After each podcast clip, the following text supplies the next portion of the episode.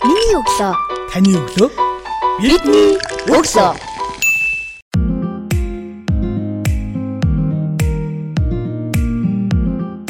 Сонсогчтонд шинэ 7 өдрийн өглөөний мэндийг хүргэе. Миний өглөө цуврал подкастын ээлж дугаар танд хүрч байна. Өнөөдрийн дугаартаа бид төрийн сорилт зураач сегменттэй ярилцаж байна. Танд шинэ 7 өдрийн өглөөний мэнд хүргэе. За та бүхэнд энэ 7 хоногийн өглөөний мэнд хүргэе. За таны өглөө хэрхэн яаж эхэлдэг вэ? Миний өглөө яаж эхэлдэг вэ мэддэг. Өглөө болж гэнэ шүн болж гэнэ би мэдэхгүй бүх хөшгөө хаачаад тэгээд урландаа чийдэнгийн гэрэлд одоо дуртай үед нойр хөрүүл унтаад нойр ширүүл босоод тэгээд зураг зурдаг тийм юу та болсон болохоор одоо яг өглөө ихлээр би одоо өглөө ихлээр шөнийн 4 цагт босоод юм хийчихсэн байдیں۔ Тэгээ явж ясна өдөр одоо жинхэнэ өглөө болоо 9 10 мараа гэхэд жоохон унтчихчих гэх мэтлээ ингээд тийм жоохон замбраагүй цагийн хууртай болохоор би тэрийг яг тодорхойлж мэдэхгүй. Яг өглөө гэдэг ойлголтоор би бол одоо бүх юм одоо өглөө чинь шахан усан дорж сэргээд тэгээд одоо өөрийнхөө бясалгал мэсгалыг хийж эхлээд энэ бол миний өглөө хэлж байгаа. Бясалгал ягаад хийдгийг бол тэр бясалгалаар өгж байгаа эрчим хүчээр би тэр дараагийнхаа үе хүртлээр хийх цэнгээ авдаг л байхгүй сэтгэлийн цэнийг одоо биеийн эрчим хүч хоол идэхгүй байсан ч өлсөхгүйгээр тэр цэнэгтэй байхын тулд энэ бүх бясалгал дасгалыг хийдэг юм аа. Өглөөсөө тэгвэл хамгийн түрүүнд хийдэг үйлдэл бол бясалгал хийдэг байх нь. Хамгийн түрүүнд хийдэг юу бол ерөөсөө бясалгал хийдэг. Бясалгал хийхдээ би заавал ингээд өөрийнхөө хийдэг. Би баанд бол одоо бүлэхэн аятайхан ус юу гоожуулчаад баанд одоо орц хуужгаад цагаа 30 минут бясалгал хийн гэж тавиад тэгээд эхлээд баан дотор тарны бясалгал хийдэг. Тэгээ тарин тэрний яг тарин гэдэг чинь цаанаа өөрийн гисэн эзэнтэйгээр шатараалаад э, тэр мөрөөдлөө биелүүлэх одоо ертөнцийн санд холбогдож идэг тийм арга байдаг учраас тэрийг хийдэг л дээ. Яг Монгол Монголын уламжлалтууд аргуудаар одоо нуус тарины арга марга гэдэг дандаа дандаа тантрын ёсоор бол дандаа эрэгтэй хүн зориулсан өөрийнх нь э, эрчим хүчийг олж авах тийм аргууд байдیں۔ Тэр тэргээр л эхлээд амьдрал эхэлж байна да өглөөнийхөө. Хичнээн жил бол чин дадаад би ерөнхийдөө энэ бяцлаглалыг 1983 оноос ерөнхийдөө энийг бол бяцлал гэдэг талаар нь сайн ойлгохгүйгээр хийж эхэлсэн л дээ эхлээд энийг болсон нөгөө бие хамгаалах хурлаг гэдэг талаар нь хийж ягаад эцсийн бие хамгаалах хурлагийн гэж хөдөлгөөний датлаг дасгал чинь хөдөлгөөний бясалгал юм аа. Энэгээр ерөнхийдөө 79 ч гэдэг юмтай холбогдож юу авах гээд бидний энэ дасгалыг хийгээд гэдэг юм учрыг нь олоод дараад нь хөдөлгөөнийхээ тэр бяцлаглыг янз бүрийн бяцлаглалтай холбож та судалж 9 шидийн бяцлаглалын сургуулиудаар хишээж үзэж хичээлээд эцсийн энэ бүхэн чинь бяцлал гэж байгаа өөрийгөө тасгалжуулаад Тэнгэр бурхан гэдэг энэ орон зайд байгаа мэдээллийн сантай холбогдож тэднэрээс эрчим хүч энерги мэдээлэл авах зорилготой гэдгийг л ойлгосон баггүй. Тэгээд энэний ачаар бол эртний одоо монголчуудын сэргэн мандалтын үед бол хүн болгон болохоор өөртөө тэнгэртэй холбогдож тэнгэрээс эрч хүч энерги авч тэрийг мэрэгжил болгон дээр эрдэм болгон эрдмийн бяцлагад одоо бандитзаг болгож хийдэг байсан учраас монголчууд хүчрхэг болж сэрэг мандж үе байгаа. Ягаад гэвэл энийг бол бүх ингээд түүхийн туршилт бичгүүд байгаа шүү. Монголчуудын хийж байгаа, бүтээж байгаа бүх юм бол тэнгистэй холбогдож үргэж асууж тэдний хүчээр одоо сууд зайлаар гэхэд л одоо юм бүтээж ирсэн. Тэрнээс стандартын одоо цэгэх ёстой, ингэх ёстой гэсэн хуульд баригдахгүй Монгол гэдэг хүн бол тэнгэрээс юунд ч захирагдахгүй эзэн хааныхаа үгэнд ч ордгүй байсан тийм бэлэг танхаа хүмүүс байсан баа. Бэлэг танхаа гэдэг нь болохоор ерөнхийдөө тэр хүний баруун бөмбөг тарих буюу зүүн бөмбөг тарих нь гений их хөгжилтэй одоо нүүдэлчин байгальтайгаа ойрхон гэдэг утгаараа дандаа тэр зүүн совингаараа далдын ертөнцөөс энерги эрчим хүч авч тийм ашиглаж амьдрах зохицуулах тийм одоо авиас чадвар гений болцоотой хүмүүс байсан юм л да. Одоо ч гэсэн манай залуучууд хүүхдүүд харагдаж бүгд л тийм уламжил гентэй байгаа шүү дээ. Ганцхан тэрийгээ бол дадлагжуулаад, дасгалжуулаад хөгжүүлвэл монголчууд бол дэлхийг бол одоо 70 14 дугаар далаалмын хэлсэн Монгол дээр хэлсэг байгаа ш. Монголчууд та бүхэн эрдэм боловсруулаараа Чингисийн үе шиг дэлхийг байлдан дагуулах хэрэгтэй гэж хэлсэн нь бас зүгээр хэлсэн үг ш. Залуучууд таанд зөвлө хандж хэлсэн үг шүү. Гэхдээ бид нэр одоо эртний тэр монголчуудыг цэрэг живсэг ийм хүчээр биш оюун ухааныхаа өөрийнхөө хийж чаддаг мэрэгжил болгоноор дэлхийг байлдан дагуулах чагчин та нарын өмнө ирчээд байна.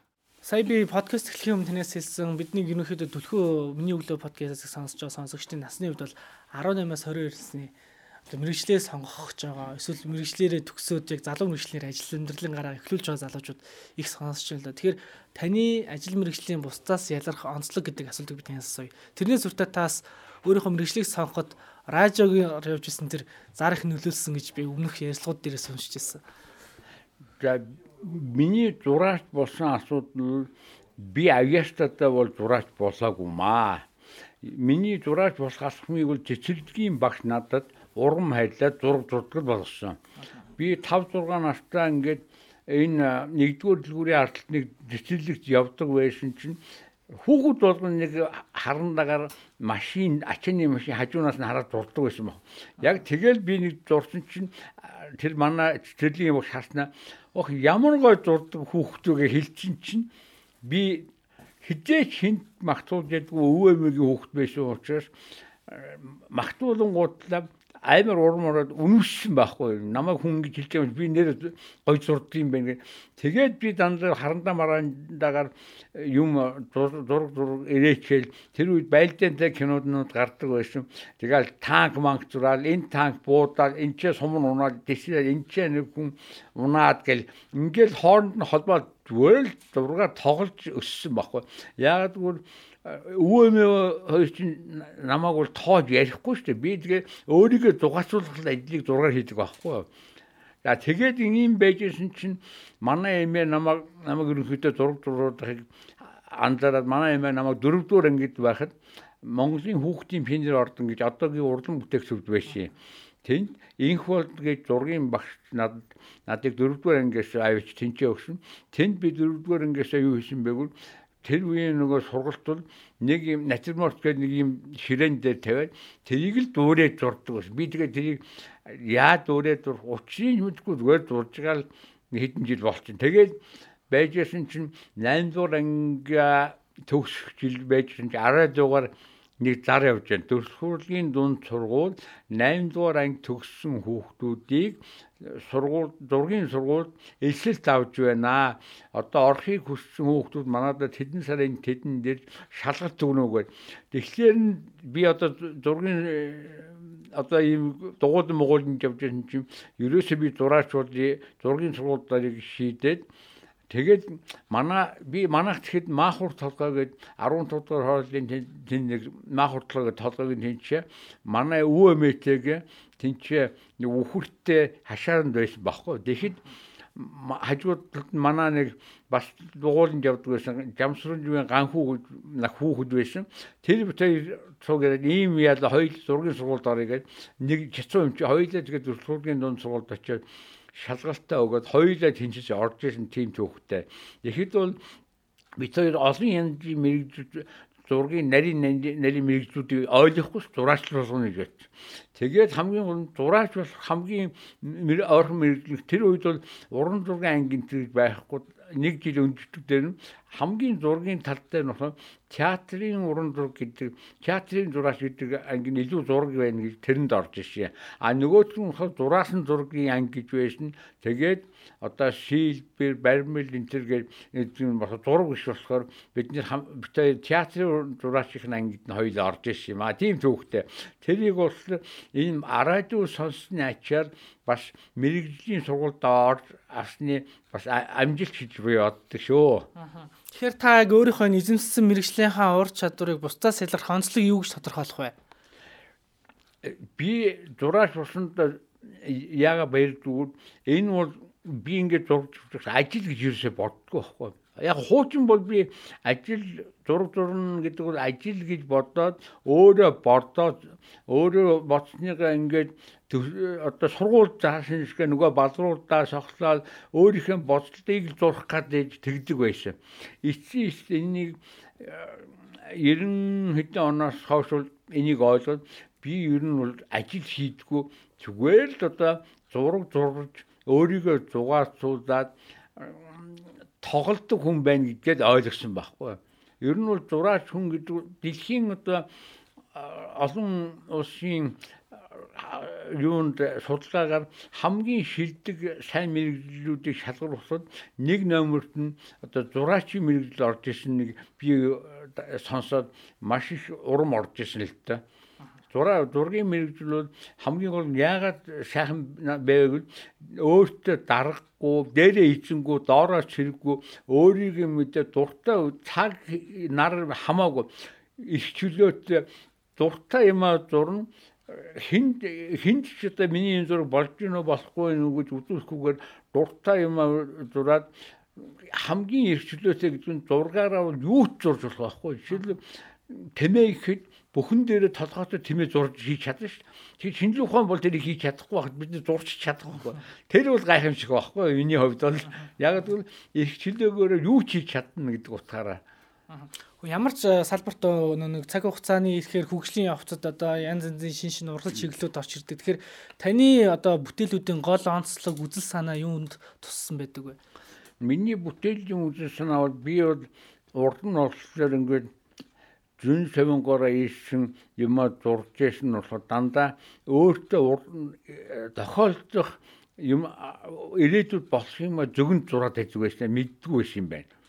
А дараад би ерөнхийдөө энэ бүхнийг бас сайн сайхныг бэлэгдэж дандаа ерөөж зурж явах хэрэгтэй гэдэг яг өөрөө ерөнхийдөө жаргах хэрэгтэй жаргалтай юм зурыг гэдэг бодлоор дандаа бэлэгдэлтэй сайхан сайхан юмыг одоо төвшин зурдаг болчиход байгаа юм л да. Яг энэ би өөрийнхөө зургийг яг хуучин бол тодорхойлохдоо символик буюу бэлэгдэл зураг зурдаг гэж байж урлаг судлаач нар бол урд нь болохоор э, супер символ символ э, сюрреализм гэж зөв бэлгийн урлаг гэж тодорхойлдог гэсэн. Эцсийн энэ хоёрын нэгдэлээр үндэслээ би зүгээр монголоор монгол уран зураг зурж гэн гэж нэрлэгээд өөрийгөө зурдаг урсгалыг монгол уран зураг гэж нэрлэжээ. Яагаад монгол гэдэг үг тавьсан бэ? Монгол гэдэг үг бол жижигхэн үг биш юм аа. Энэ улсын нэр биш байхгүй Монгол гэдэг бол Монгол гэдэг бол хүн төрлөختний үзэл санааны нэр юм. Үзэл санаа гэдэг чинь оюуны тэнгэр үзэлтэй улсуудын шүтлгийн нэр багхгүй юу. Тэгэхэд ман энэ бол Рашиддийн зохиолдол хэдэл төргийн их гүрний үед хэл Монгол гэж хэсэг бүлэг улсууд нэгдчихээс эднэр бол тэнгэр үзлээрээ нэгддэг байсан тийм улсууд байсан. Тэрнээс Монгол гэдэг бол овогч биш аймагч улсын ч нэр биш байсан. Ягаад гэвэл тэр тэнгэр үзэлтэй улсуудын нэгдгээс нэр байсан ба. Эзэн Чингис хаан эхлээд хамаг Монгол гэдэг одоо тэнгэр үзэлтэй улсуудын хаан болж исэн бол сүүлд нь 2005 онд бол ахаад хаан болохдоо бол их Монгол улс байгуул улсын хаан болж байна. Ингээ хоёр удаа хаан өргөмжилдгийг та нар андаж байгаа. Эхнийх нь бол одоо үдэс сутлын хэл одоо жишээлбэл шашны тэргүүн 14-р далаа лам шиг далаа лам гэдэг цолыг хаан гэдэг утгаар нь авч ирсэн Ромын пап шиг тийм цол Чингис хаан гэдэг цолыг авч ирсэн бол дараад нь улсын их хаан болж исэн байна ш манай Чингис хаан бол. Тэгэхээр Чингис хаан бол үнэхээр бид нар бол богд эзэн гэхээс өөр аргагүй. Яг л Чингис хаан гэдэг бол бидний оюуны том удирдагч байхгүй юу? Ерөөсөө нүүдгчтэй.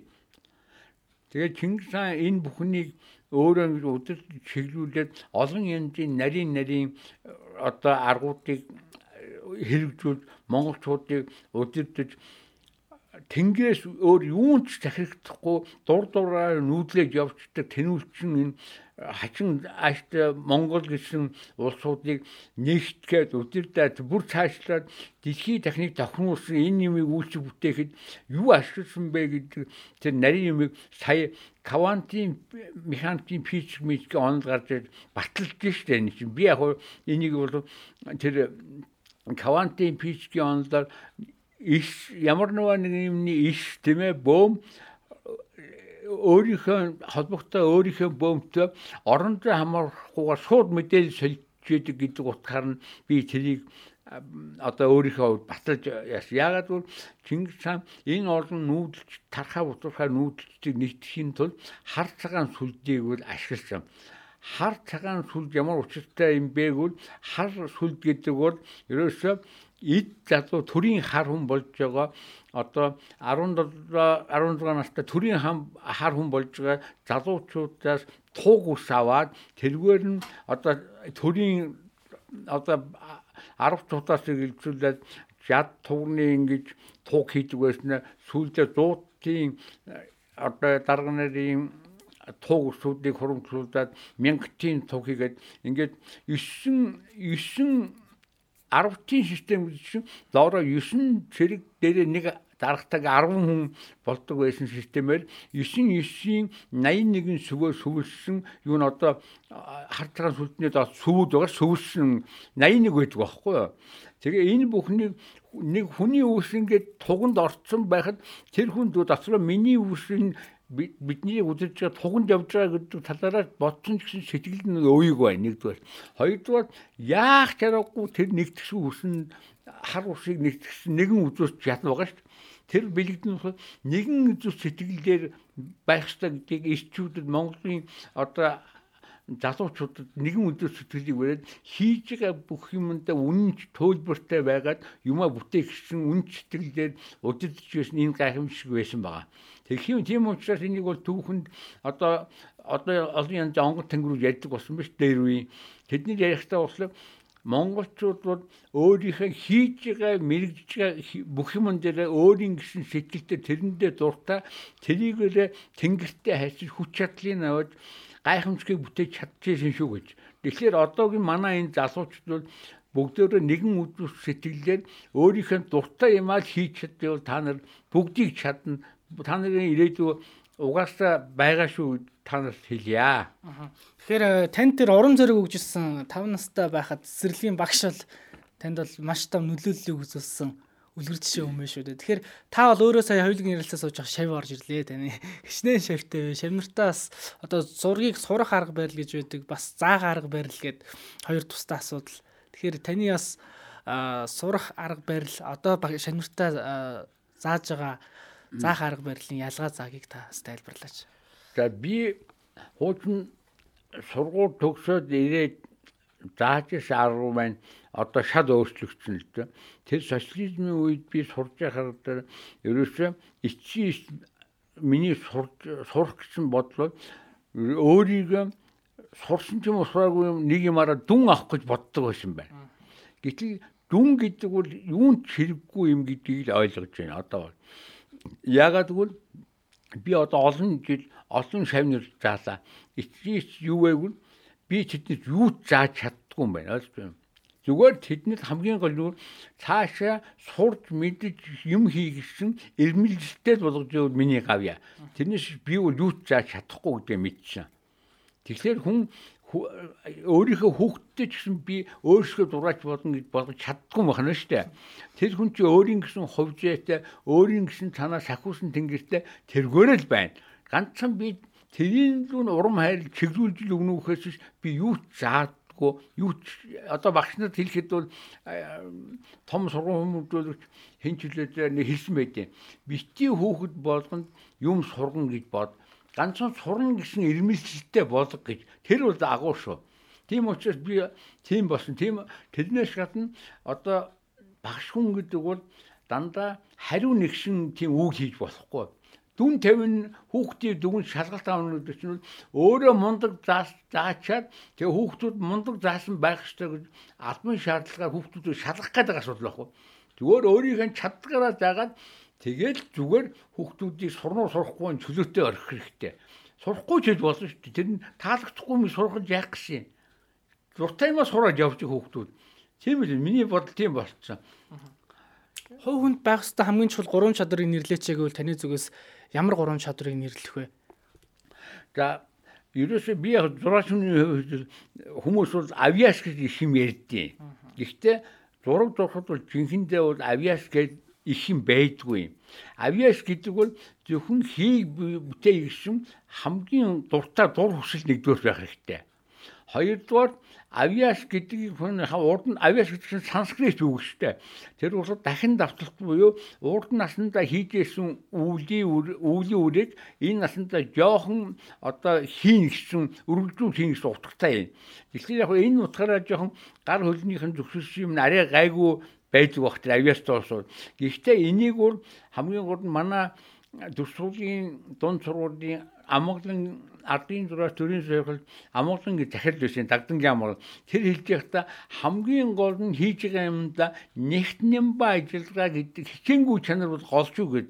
Тэр бол маш э, том чанар шүү. Хичээнгүй тэгээ итгэх зүтгэлтэй тэгээд тим юм хоёр итгэвчтэй хичээнгүй байгаа даа юу ч сурна. Тэгээ дараад нь хамгийн гол хөдөлмөрч чанар бол бач хөдөлмөрч гэдэг чинь залхуугийн эсрэг учраас залхуун э, хүн бол яг заримдаа хэрэгтэй л дээ шиний юм шиний бүтээж залхуураад гэхдээ дандаа ингээ юм хийгээд залхуурахгүйгээр яарахгүйгээр зүгээр л хийж яхад тэр давтамжаараа өөрөө далдын эрчим хүчтэй холбогд арга нь болчиход байгаа. Жишээлбэл ингээ бөөнөр ингээ хэнгэрэг нүдээд нэх гоё аяд дараад байна гэж бодож байна. Үгүй шүү дээ.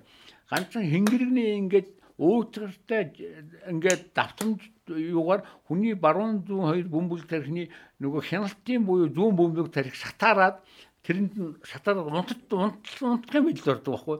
Тэгэнгүүт л баруун бөмбөг тарих гэдэг бидний зүүн биелгийн одоо зүүн совингийн тарихчин чөлөөлөгдөд өөрийнх нь зоргоороо юмыг хүлээж яваад хамаагүй худлаа ярьж магадгүй болдог байхгүй.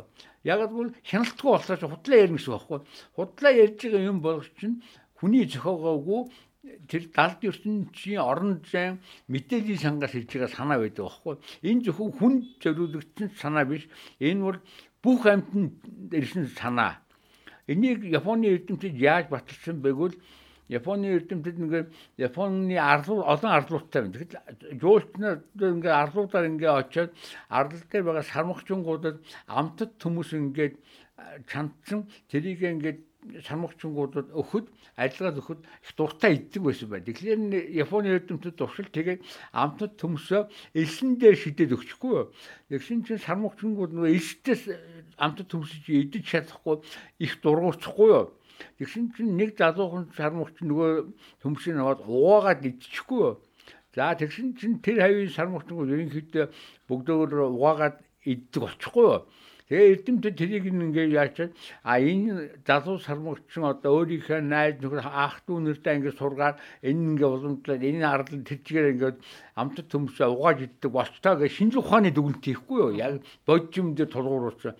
Тэгээд ингэчээд шаад өөр хол арал дээр очиж нөгөө арга хэрэглээд сармагчин шидээд өгсөн чинь нөгөө сармагчин илттэй тэр амт төвсийг угаагаад идэх болчих байгаа.